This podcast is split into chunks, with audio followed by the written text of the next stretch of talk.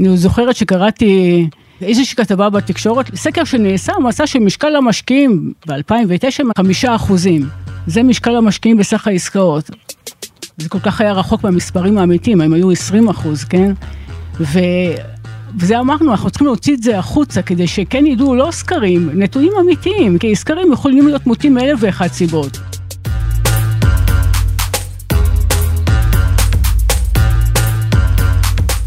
שלום לכם, אני גיא ליברמן ואתם על העונה החדשה של כסף בקיר, פודקאסט השקעות הנדל"ן של גלובס. האורחת שפותחת את העונה שלנו היא האישה הכי חשובה בנדל"ן בישראל שאתם לא מכירים. קוראים לה גלית בנאים, היא ירושלמית בת 55 ומזה 17 שנה עובדת באגף הכלכלנית הראשית באוצר. חלק נכבד מהזמן שלה מוקדש לאיסוף ועיבוד נתונים שאיתם היא מרכיבה את הסקירות הנדל"ניות שמפרסם האוצר אחת לחודש ורבעון. תמצאו שם את היקף העסקאות בשוק, כמה דירות קנו משקיעים, כמה הם מכרו, ועוד ים של נתונים שעליהם מתבססים כל מקבלי ההחלטות, ובעצם השוק כולו. אז לפני כמה ימים לקחתי שני מיקרופונים ועליתי למשרד שלה בירושלים וקיימנו שיחה מרתקת על המגמות העכשוויות בשוק, למה באוצר רצו שנדווח על המחיר של כל דירה שמושכרת בישראל, וגם למה המערכת של רשות המיסים קרסה ביום האחרון של חודש אוקטובר 2021. כסף בקיר, פרק פתיחת העונה, תהנו.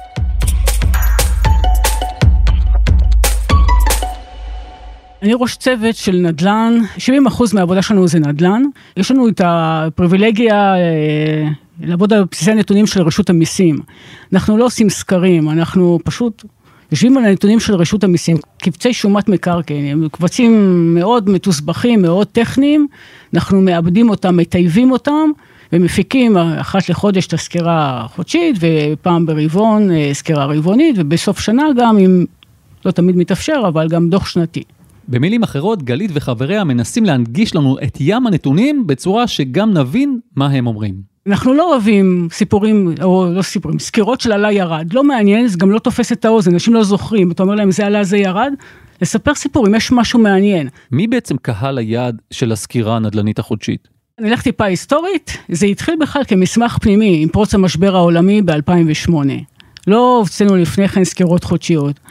לאור מה שקרה בארצות הברית, הרי זה התחיל ממפולת נדל"ן, משבר הסאב פריים, רצו לראות מה קורה פה בנדל"ן בישראל. ואז uh, התחלנו להפיק דוחות פנימיים, ולאור הצמא בחוץ של התקשורת וגורמים אחרים שידעו שיש לנו בסיסי נתונים כאלה, אז התבקשנו גם לייצר את הסקירה החוצה. אם אני זוכר נכון, באותם ימים גם השמאי הממשלתי עסק בנתונים והצגתם לציבור. כן, הוא הלך יותר על שינוי מחירים. אמר, קראו לזה מדד הביק-מק של הנדל"ן, כן? ניקח דירה טיפוסית, ארבעה חדרים, ונעקוב אחריה. הרי זה כל הסיפור בנדל"ן במחירי דירות. אתה צריך להגיע למדד מנוקי איכות. דירה אחת לא דומה לדירה אחרת. אז הוא אומר, אני הולך על דירת ארבעה חדרים. אנחנו הלכנו מצד אחר, לבדוק את הצד של הביקושים. אה, אני חושבת גם במלוא הצניעות, לבוא ולהגיד שאנחנו הראשונים שהצבענו על המשקיעים בשוק הנדל"ן.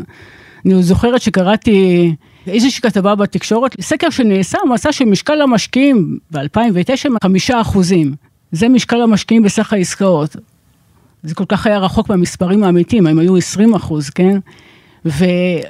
וזה אמרנו, אנחנו צריכים להוציא את זה החוצה כדי שכן ידעו לא סקרים, נתונים אמיתיים, כי סקרים יכולים להיות מוטים מאלף ואחת סיבות. זה מזכיר לי שגם הלמ"ס בעצם הנתונים שלו מתבססים על סקרים, לא על אה, מספרים אה, מוחלטים. נכון, הלמ"ס עושה סקר של מכירת דירות חדשות. אוקיי, אז רק כדי שיהיה ברור, שני הגופים הממשלתיים שמפרסמים כיום נתונים באופן סדור על תחום הנדל"ן, הם אגף הכלכלנית הראשית באוצר והלשכה המרכזית לסטטיסטיקה.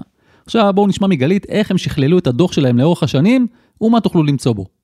למדנו תוך כדי תנועה לכתוב שזה יהיה יותר ברור, כי יצאו לפעמים דברים שהכתבים לא הבינו אותנו, ואז יצאו בכותרות מרעישות, ולא הייתי, אמרתי רגע, יוצאה סקירה אחרת, זה לא שלנו, כי זה לא המספרים.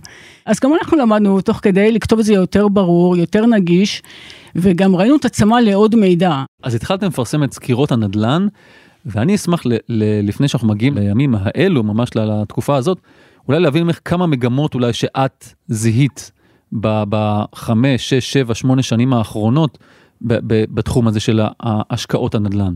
בניגוד למה שאנשים חושבים, אנחנו רואים את הנתונים, יש העדפה לדירות זולות. אם זה בפריפריה, או אם במרכז בדירות הזולות יותר. משקיעים מעדיפים דירות זולות יחסית, ואני מניחה שזה גם העניין של ה... שכנראה אנשים שיותר מסתכלים על התשואה משכר דירה, היא יותר גבוהה בדירות זולות. ויש עוד משהו שהיא שמה לב אליו, וזה עד כמה ההשפעה של החלטות הממשלה בתחום היא מיידית. אנשים אולי לא זוכרים, אבל היה רעיון למסות מס דירה שלישית. מי שיש לו לפחות שלוש דירות, אה, נתחיל למסות אותו בשווי של מלאי הדירות שברשותו. כלומר, זה לא רק עסקה של רכישת המשלם או במכירה, אתה תתחיל לשלם מס מסוים בשווי הדירה שלך. אני חייבת לציין שאנחנו עמדנו מקצועית, זו הייתה ידועה, אז כן, אה, התנגדנו למס הזה. למה? אנחנו לא חושבים שזה נכון למסות אנשים על מספר הנכסים שלהם. שום דבר במערכת המיסוי לא מבוסס על מספר, הוא מבוסס על שווי או על רווח הון. אתה לא סופר דירות וממסה אה, כי יש לו כמה דירות, ואולי שלוש דירות בבאר שבע שוות מפחות מדירה ממוצעת בבת ים. אבל אם אני אפתח פה סוגריים, אז ברשות המיסים כן מדברים על זה שמי שיש לו חמש דירות כבר מתחיל לעלות על הרדאר שלהם, מי שיש לו מעל עשר דירות, הוא כבר ממש מסתכלים עליו כ- כסוג של אה, עסק. בסדר, כשהוא קונה אה, או מוכר, ואם נוצר לו רווח הון, הוא ישלם מס לפי המכנסה העסקית, כי זה באמת כבר עסק. אבל אנחנו, לא על זה דובר. שלוש דירות זה יכול להיות באמת אה, זוג פנסיונרים שקנו שתי דירות בבאר שבע, עוד לפני גל העליות המחירים זה היה מאוד אפשרי, כן? 200 אלף, כמה עלתה דירה בשכונה ד' בבאר שבע, אנשים כבר לא זוכרים גם את זה. ואתה אומר, עכשיו אני אמסה אותו, כי יש לו דירת המגורים ועוד שתי דירות שהוא משכיר בבאר שבע לסטודנטים, והוא כאילו בעל נכסים, בואו נמסה אותו בשווי. ואחד, וזה לא דוגמה חריגה, כן, שקונה דירה ב-50 מיליון בתל אביב, היא דירתו היחידה, כי הוא, יש לו העדפות אחרות בהשקעות. אותו לא נמסה במס הזה, כן? אה, זה נפל לא מהסיבה שלנו, מה, אלא בהליך טכני שלא עבר אה, טוב בוועדת הכספים, אבל מה שאנחנו ראינו בשוק זה שזה מאוד מיתן את הכניסה של משקיעים לשוק וגם עודד יציאה שלהם. ואנחנו חושבים שמה שקרה שם זה פשוט שהתגובה של הציבור במובן הזה הייתה בעל הבית השתגע. זה צעד מאוד קיצוני, אבל לא חשבנו שזה ירחיק משקיעים מלהיכנס לשוק כדירתו השנייה, מה יש לך לפחד? אז הנה, אז אנחנו רואים את זה, את ההתנהגות הזאת, זה ממש עולה מהסקירות שלכן אה, לאורך שנים. הנה, בסקירה האחרונה, אם נגיע אליה, הסקירה האחרונה לחודש אוקטובר, אתם עשיתם, נתתם גם את, ה, את המספרים לחודש אוקטובר, אבל גם אה, אה, השוויתם ליוני 2015, רוצה לספר מדוע? יוני 2015 זה היה באמת, מה שקרה שם זה היה אה, מדהים. כלומר, לא הופתענו שהיה גידול לא נורמלי באותו חודש, זה היה אך טבעי. נזכיר רק למה, כי, כי עמדו להעלות את, ה, את, ה, את המס רכישה. עשו את זה אז בצורה מאוד, אה, נגיד, אלגנטית. אה, שי בעבד, המנכ"ל דאז, הלך לוועדת הכספים עם הצעת החוק כבר ביד. להעלות לאלתר את המס מ-5% ל-8% על דירה נוספת. אה, גפני, יושב ראש ועדת הכספים, התעקש, תנו יומיים, אנשים באמצע עסקה, תנו לסגור את העסקאות. אנחנו לא באמת מאמינים שהיו 4,000 עסקאות בצנרת באותם יומיים, בין ה-22 ל-23 ליוני 2015, נרכשו 4,000 דירות להשקעה.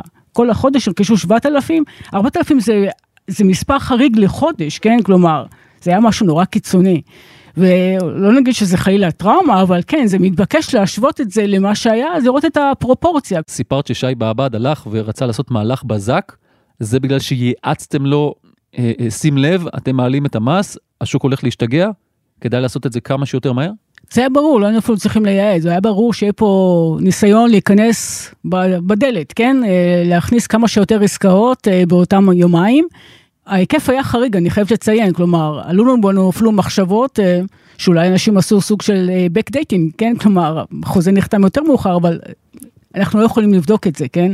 זה היה חודש עם הכי הרבה דירות להשקעה שאת מכירה? זה, כן, זה גם היה חודש עם הכי הרבה עסקאות, 17 אלף עסקאות נעשו באותו חודש. צריך להגיד, גם רוכשי דירה ראשונה מיהרו לקנות דירות, כי זה בדיוק החשש, שנניח אתה יודע שאולי יש כמה מתחרים, אתה הולך רואה דירה, הוא אומר לך מתווך, תשמע, יש גם משקיע מתעניין, ותראה, עוד מעט עולה, עולה להם שיעור המס, הוא ירוץ, אז אתה מנסה להקדים אותו.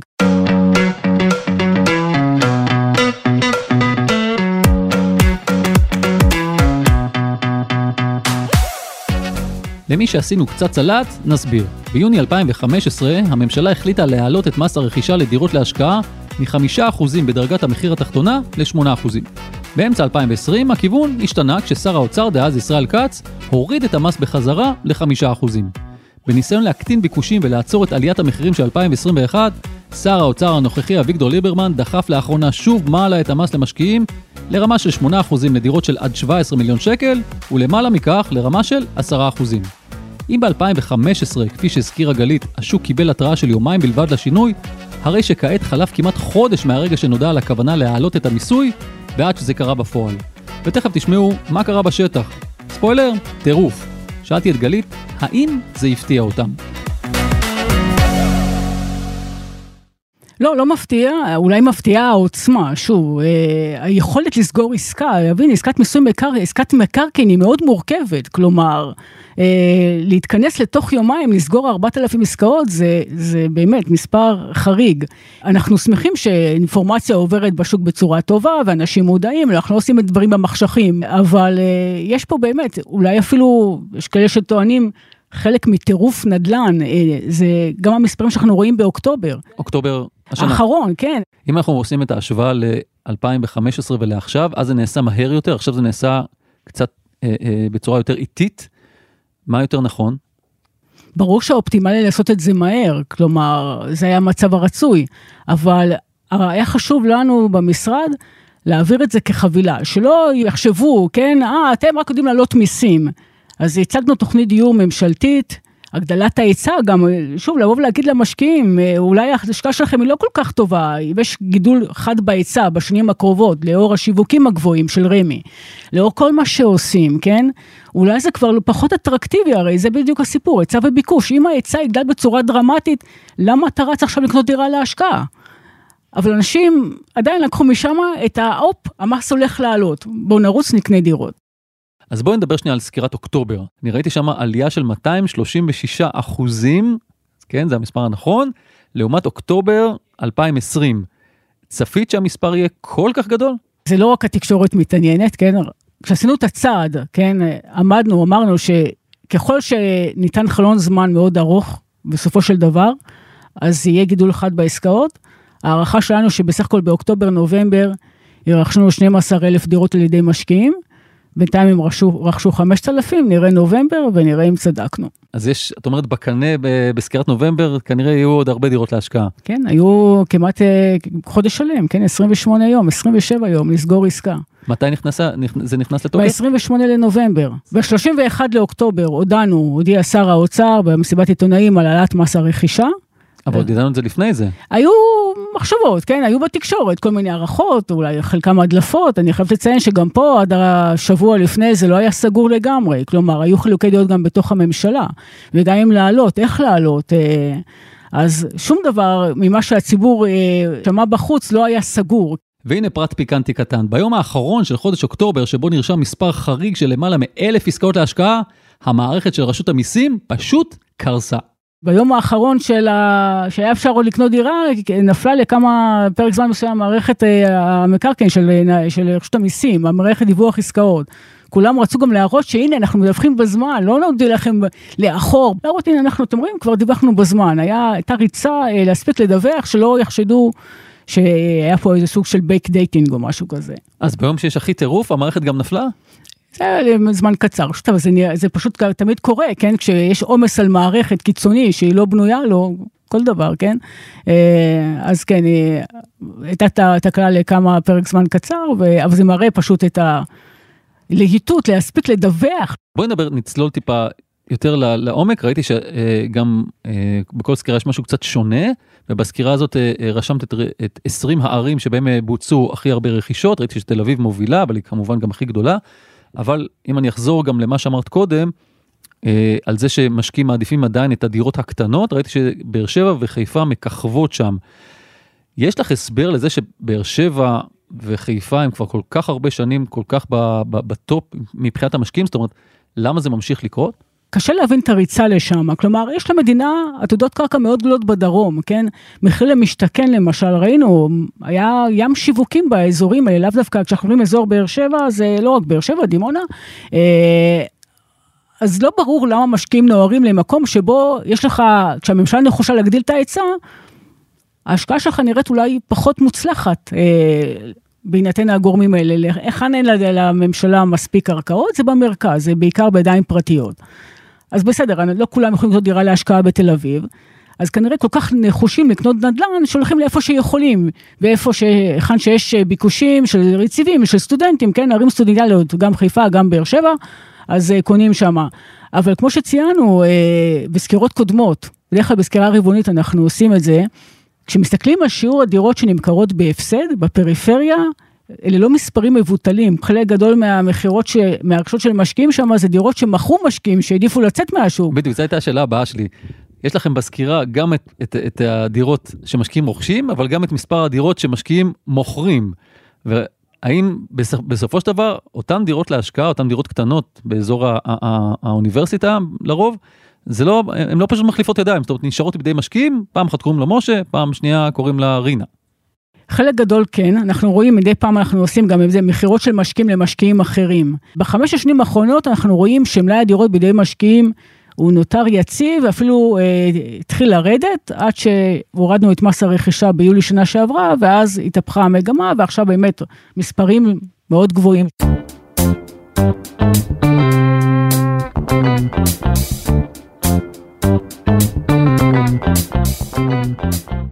בקיץ 2020, רגע לפני ששר האוצר דאז ישראל כץ הורה על הפחתת מס הרכישה למשקיעים, חלקם בשוק עמד על בין 12 ל-13 אחוזים. ואז ברגע אחד המגמה השתנתה ועוד ועוד משקיעים נכנסו לשוק. בואו נשמע מה חלקם כיום. סקירה האחרונה זה הגיע כבר יותר מרבע. שזה היה מצב הרבה שנים, נכון? זה, בוא נגיד, אה, זה לא חריג, אבל אה, לא חריג לתקופה של עליית המחירים המהירה של שנים 2009-2010, היינו אפילו ב-30 אחוז. אבל בתקופה הזאת אה, זה עדיין חריג, ומה שאנחנו רואים בנובמבר הרבה יותר גבוה. ככלכלנית, יש מזה בעיה שרבע מהדירות קונים אותם משקיעים? אם לא הייתה בעיה של היצע, שהוא קשיח בטווח הקצר, ואצלנו אפילו גם בטווח הבינוני, כל הליכי התכנון שמנסים עכשיו לזרז אותם, אז לא הייתה בעיה, לא היו ממסים את המשק... אנחנו לא מענישים משקיעים כי אנחנו לא, יש לנו איזה משהו נגדם.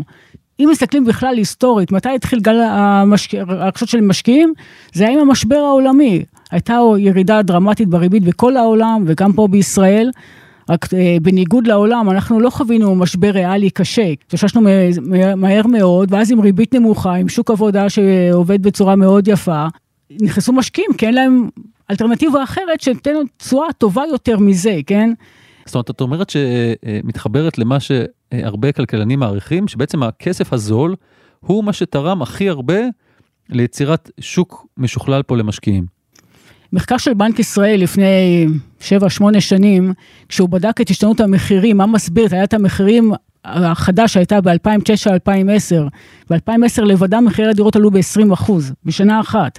אה, והוא מצא ששני שליש מעליית המחירים מוסבר בריבית שהכניסה משקיעים לשוק. אז מכיוון שהריבית גם היום היא מאוד מאוד מאוד אה, נמוכה, מה עוצר מאיתנו להמשיך אה, להשקיע בנדל"ן, אפילו שה, שה, שהמיסוי עכשיו אה, עלה בצורה מסוימת? כי המיסוי אוכל לך מהתשואה ברוטו, כן? התשואה נטו שלך היא מצטמקת בעוד שלוש נקודות אחוז, זה משמעותי. אה, בוא נאמר ככה, אם אתה בונה על רווח הון, אתה אומר, אני, לא משנה לי, מחירי הדירות תמיד יעלו, השלושה, שלוש נקודות אחוז שעכשיו הוספתי מחמש לשמונה אחוז, הם יחזירו את זה, בסדר? עליית מחירים של שנה מחזירה את השלוש נקודות אחוז. אז אולי זה לא ישפיע, אבל עובדה היא שזה כן משפיע, כי אנשים כן מסתכלים על התשואה נטו. אם uh, מס הרכישה עולה בשיעור של שמונה אחוזים, uh, אתה מסתכל אחרת על, ה, על האלטרנטיבות השקעה שלך. זה גם, דרך אגב, מאוד כואב בכיס, גם כשאתה לא מסתכל על תשואה נטו, אתה מסתכל על גובה בתל אביב, ב-8% אתה משלם 250 אלף שקל רק מס רכישה על דירה ממוצעת בתל אביב. אם אנחנו מסתכלים על ההתנהגות של הציבור בעבר, האם אנחנו עומדים לראות עכשיו שוב פעם ירידה בהיקפי הרכישה של משקיעים בשנה הקרובה? אני מניחה שכן. Uh, ככל שלא יהיה שינוי אחר, משהו, אתה יודע, המשתנים המהותיים שמשפיעים על רכישה של דירות להשקעה, כל נכס השקעה. כשאנחנו הסתכלנו על מה שקרה בעבר, uh, זה מה שטוב, כש... מבחינת כחוקרים, כשיש לך שינויים בשיעורי המס לאורך ההיסטוריה, ויש לך את הנתונים, כמה דירות נרכשו על ידי משקיעים, כן? אז אתה יכול לחשב את הגמישות. ומה שאנחנו ראינו באמת, אה, כבר בהעלאה של המס מ-5 ל-8% בתקפותו של כחלון, אנחנו הערכנו שזה תהיה ירידה של 35% ברכישות, וזה מה שראינו. דרך אגב, בתקופה הראשונה כמובן הירידה הייתה הרבה יותר חדה, כי היו הרבה שהקדימו. אז זה תפס לך נגיד חצי שנה קדימה, אני זוכר גם שיחות, שאנחנו מקיימים שיחות רקע עם עיתונאים, אז אמרו, אה, תראו, עוד חצי שנה הם יחזרו בהמוניהם, זה רק הקדמה של, חצי שנה. אמרנו, אנחנו לא חושבים ככה, אבל בוא נראה. ועובדה היא, אתה ראית בעצמך בנתונים, זה יוסיף לרדת.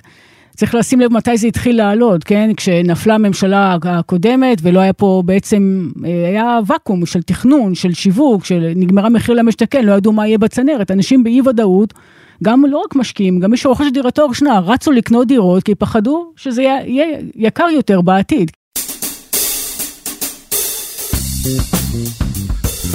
טוב, אנחנו מדברים המון על מה יש בסקירות, אבל איזה סקירות בכלל יש ואיפה ניתן למצוא אותן? סקירה חודשית, סקירה רבעונית, באתר הכלכלנית הראשית במשרד האוצר, יש שם אה, תחת אה, סעיף של פרסומים, אפשר לבחור, יש שם סוגי פרסומים שונים, יש גם ממש אה, סעיף מיוחד לסקירות נדל"ן. הזכרת קודם את הנושא גם של, שיש גם משקיעים שמפסידים, ראיתי באמת בכמה סקירות האחרונות, שאתם מדברים על, על, על הפסדים. אם אני זוכר נכון, ההפסדים הם בעיקר של מי שקנה בטווח של השלוש שנים האחרונות. ככל שקנית באמת בשנים האחרונות, ההסתברות שרכשת דירה ולא הרווחת או הפסדת, דרך אגב, אנחנו גם אפילו לא מחשבים את גובה ההפסד, כי רשות המיסים, once הפסדת, אין לך רווח הוני, גם לא מבקש ממך עוד קבלות, אולי לך עוד הוצאות השבחה בדירה. אבל עזוב, גם אלה אתה כבר לא מרוויח, עזוב אותי מקבלות, אז אנחנו לא יודעים אפילו את גובה ההפסד האמיתי.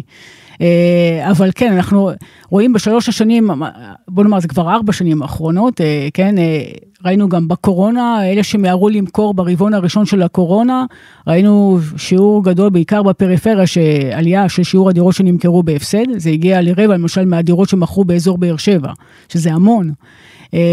כמובן צריך לזכור שחלק מהאכילה של הרווח זה העלאת המס. למה, למה לדעתכם זה קרה בעיקר בשלוש ארבע שנים האחרונות? זאת אומרת, מי שקנה קודם, זה בגלל שקנו במחירים נמוכים יותר מן הסתם? עם כל הביקורת שהיה בציבור אה, על תוכנית מחיר למשתכן, אה, עדיין רואים התמתנות משמעותית בעליית מחירי הדירות מאז 2016. ב-2018 אנשים פספסו את זה כנראה, גם מחירי הדירות ירדו כמעט באחוז. אה, לא היה את זה עשור לפני, וגם כשזה עלה, זה עלה בצורה מתונה יחסית, 4 אחוז. כלומר, קח את העלאת המס, עלויות נוספות שיש לך בעסקה, אולי אזורים שבאמת הגיעו למיצוי הפוטנציאל שלהם. אז אם אנחנו מדברים על הסקירות, לא, לא עכשיו סודות אה, מדינה, אני מדבר עכשיו על הסקירות כמי שכתבה אותם. אנחנו כן הולכים לכמה ערים מסוימות. אני למשל בסקירה האחרונה של אוקטובר חיפשתי את חריש, עיר שמאוד מעניינת הרבה מאוד אה, אנשים, כי לא יודעים לאן היא תלך, לא מצאתי אותו שם ברשימת 20 הערים שבהם קנו הכי הרבה דירות להשקעה. היא בעשירייה השלישית. אבל זה מפתיע, כי זה עיר עם היצע יחסית גדול, ועם אה, אה, מחירים עדיין נמוכים, אז מה, אנשים עדיין לא, לא מבינים את הפוטנציאל, או לא, לא חושבים שיש פוטנציאל? אני חושבת שזה המילת המפתח שאמרת, היצע, יש שם היצע מאוד גדול. אם אתה מסתכל כמשקיע, אתה דווקא מחפש מקומות שבהם הפוטנציאל של הגידול בהיצע הוא יותר נמוך, כי יש לך באמת הסתברות גבוהה יותר שהמחירים יעלו. אם שופכים שם כל כך הרבה דירות, בשיווקים של רמ"י, ואנחנו רואים את המספרים, כן?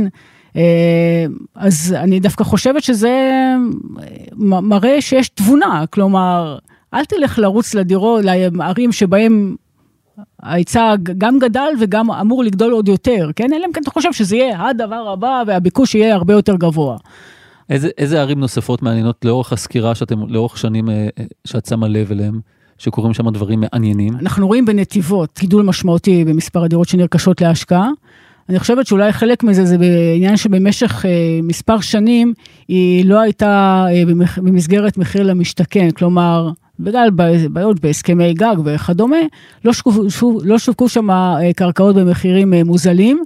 וכן יש צמא לגור שם, וגם משקיעים שמזהים את זה, שבעצם יש כן עודף ביקוש בעיר הזאת, אז ראינו באמת, אה, יחד עם באר שבע ואשקלון שכיכבו בדרום, אז הייתה גם נתיבות. אשקלון שמתי לב שאין הרבה דירות להשקעה, למרות שזה שיאנית אה, הדירות החדשות בישראל. כי זה בעיקר זוגות צעירים אה, רוכשים שם. בוא נאמר, ברבעון הקודם היא כן הצליחה להיכנס ל-20 הראשונות, אבל אני לא הייתי אומר לעיר משקיעים טיפוסית. זה כן באר שבע, זה כן חיפה. אה, דרך אגב, מאוד הפתיע אותי ב-20 הגדולות, אה, בהזכרה האחרונה, הקריות, שהיו שם המון שיווקים של מחיר למשתכן, בקריית ביאליק למשל. אחד הדברים שאני שם לב אליהם לאורך השנים זה שמידע, בטח נתוני מקרו, ממש לא חסר, אבל הניתוח הנכון הוא המפתח לתובנות היעילות. ביקשתי מגלית טיפ קטן לאיך הכי נכון לקרוא את סקירות הנדל"ן שלהם, עבור משקיעים כמובן. בלי מידע אתה מגשש באפלה, כן? או ניזון משמועות. לקחת את הנתונים, ובאמת אנחנו מנסים להיות כמה שיותר אה, נגישים, ואם תשים לב, לא יודעת אם אולי שמת לב, שעד לפני חצי שנה לא הרבנו לכתוב לפי הערים, אמרנו אזורי מיסוי מקרקעין. ואז לנו שיש צמא, אנשים אומרים, אזור באר שבע זה גדול, תגידו איפה קונים, כן? דימונה, נתיבות, באר שבע, אשקלון, אז התחלנו גם לשים את הערים, כן? ואני גם מציעה אה, לקרוא מבין השורות, אוקיי? לא כל דבר אנחנו יכולים לכתוב. מה למשל? מה, מה זאת אומרת? אני לא יכולה גם להגיד, אבל אני אומרת... אה, לא, זאת אומרת, מה, מה הרגישות? כאילו, את יכולה להסביר רק מה הרגישות? אנחנו לא רוצים ליצור חלילה מצב שבו אה, אנחנו יוצאים באיזה אזהרות. תפקידנו לא להזהיר משקיעים פוטנציאליים. אנחנו צריכים לשים את הנתונים שיהיו נגישים. לא צריך להיות אנליסט או כלכלן בשביל להסתכל על מספרים ולנתח מגמות, גם אם לא כתובות אחת לאחת. איזה כלי או איזה מידע היית רוצה לתת שהוא היום לא קיים או שעומד להיות בעתיד? אני חושבת שהדבר הכי מעניין אה, שחסר, לא רק לנו, אלא באופן כללי בשוק, זה מידע על שכירויות. כי בעצם אה, זה נושא שהוא מאוד חשוב, אה, והוא מוזנח הצידה גם בגלל העדפה שיש בישראל לדירות בבעלות, אבל מה לעשות, גם בגלל היעדר נתונים, כלומר, כמה אתה יכול לכתוב על משהו שאין לך מספיק נתונים עליו. יש את הסקר שהלמ"ס עושה, אה, סקר אה, שעוקב אחרי דירות שמושכרות בשוק, חוזים מתחדשים, אבל שוב, זהו סקר ויש לו את המגבלות שלו, מפרסמים על מחיר ממוצע שזה שכר דירה, לפי אזורים, לא לפי ערים. אה, וזה באמת, שוב, באזורים זה בעיה, כי יש אזורים עם שונות נורא גדולה, כך אזור ירושלים, זה כולל את ירושלים שהיא עיר מאוד יקרה, וגם בית שמש שהיא פחות יקרה, כן, ויהודה ושומרון. אה, אבל אין מידע, כי אין חובת דיווח. וזה משהו שניסינו באמת להעביר בחוק ההסדרים האחרון, אבל אה, שר המשפטים, סיבות אולי שהן מוצדקות, אבל מבחינתנו זו הייתה קצת אכזבה, כן? כי לא אמרנו למסות מהשקל הראשון. כל מי שמשכיר דירה ידווח על ההכנסות שלו משכר דירה. זאת אומרת שאתם ביקשתם חובת דיווח, אבל לא, לא חובה אה, לשנות את החוק שיהיה תשלום מהשקל הראשון, אלא רק חובת דיווח. כן. אה... אני חושב שמי שחשש שבעצם ברגע שיהיה את, את, את החובה ויראו את המספרים, אז יבואו באוצר ויגידו, אבא, יש פה מכרה זהב, יאללה, תתחילו להביא את הכסף. תגידי עוד מילה אולי, אולי בהשוואה לעולם, אם את מכירה ככלכלנית, המיסוי כיום של 8% ו-10%, איפה אנחנו ביחס לעולם? זה תלוי מה, מה משך ההחזקה הממוצע. עשינו איזשהו אומדן. אם זמן ההחזקה הממוצע של משקיע הוא שמונה שנים בדירה עד שהוא מוכר אותה, אז אנחנו לוקחים ממנו כמו שהיו ממסים אותו על הכנסות משכר דירה, ואז בעצם אתה כמו בעולם, היכן שממסים את הדיבידנד, כן, ואת הרווח הון. אה, זה היה דרך אגב זמן החזקה ממוצע עד תחילת עליית המחירים של 2008, כן? אה, היום זה ארוך יותר, היום הזמן הממוצע של משקיע מחזיק בדירה הוא 15 שנים. כי כשאתה רואה שהמחיר עולה, למה תמכור?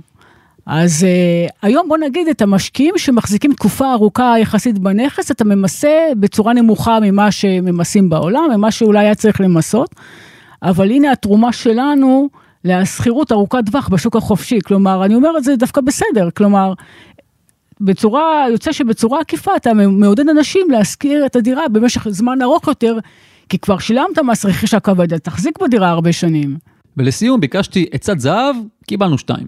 להסתכל על uh, פוטנציאל להיצע הדירות באותו יישוב, כלומר, האם יש שיווקים של רמ"י שם, הרי יש uh, תוכניות עבודה לכל גוף uh, ממשלתי, מראים היכן יהיו שיווקים של קרקעות.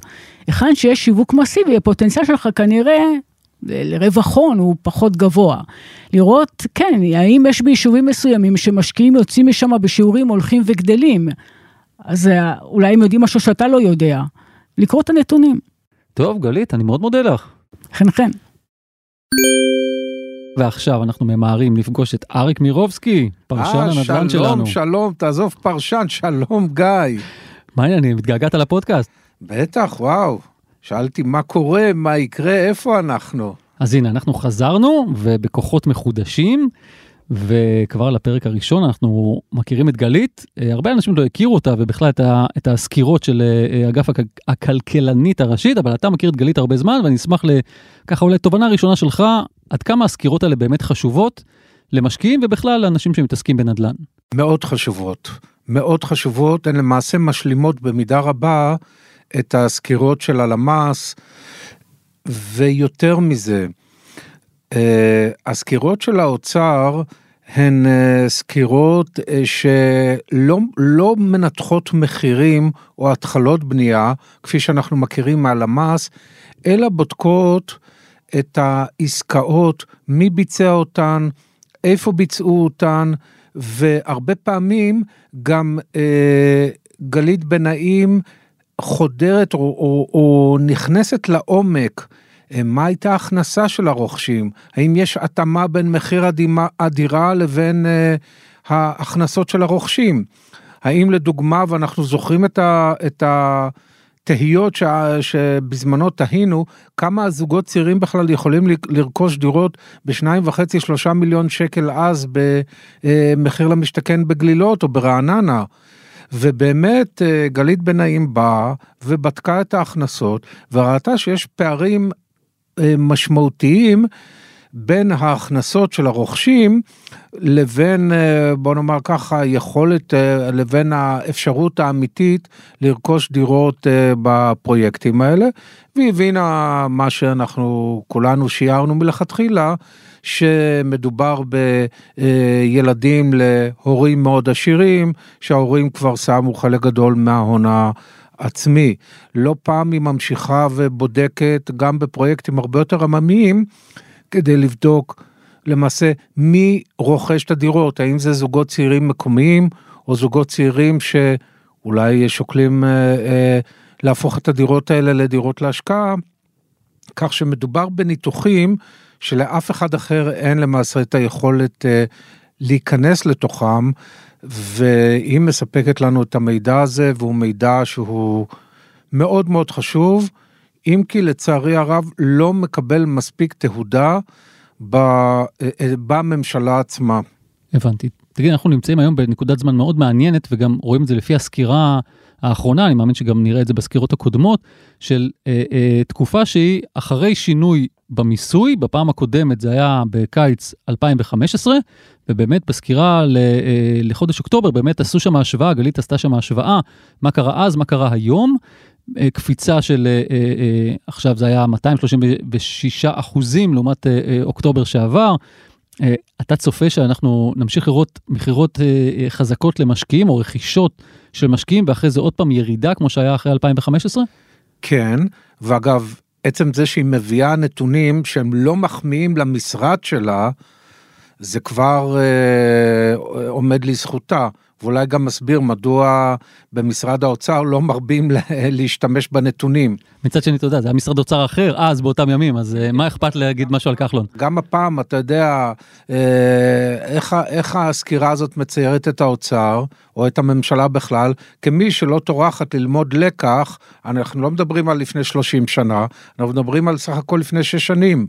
לא טורחים ללמוד לקח מההיסטוריה קצרת הטווח, ואתה יודע, אנחנו יכולים להניח גם, וזה כבר כמובן היא לא יכולה לכתוב, שבאוקטובר ונובמבר שבהם יהיו, יהיו מספר עסקאות אה, רבות אה, וחריגות אפילו מצד משקיעים, יש להניח שגם עליות המחירים יהיו אה, חריגות, ואז יוצא מצב שהממשלה, שכל הזמן מצהירה שהיא רוצה להוריד מחירים, תרמה לפחות בחודשיים האלה לעליות מחירים. טוב, בזמן האחרון כבר לא אומרים שהם רוצים להוריד מחירים, אומרים אה, נמתן אותם, אפילו היו התבטאויות שאני יודע שגם אתה כתבת על זה שזה מאוד תמוה, שאומרים שימו לב, המחירים עוד יעלו, זאת אומרת, דברים שהם, שהם אה, אה, לא שגרתיים, אבל אנחנו גם נמצאים במצב לא שגרתי. רוצה להגיד עוד מילה לגבי מה הסקירות, על מה אתה, אתה, אתה חושב שלמשקיעים צריכים להסתכל בסקירות האלה?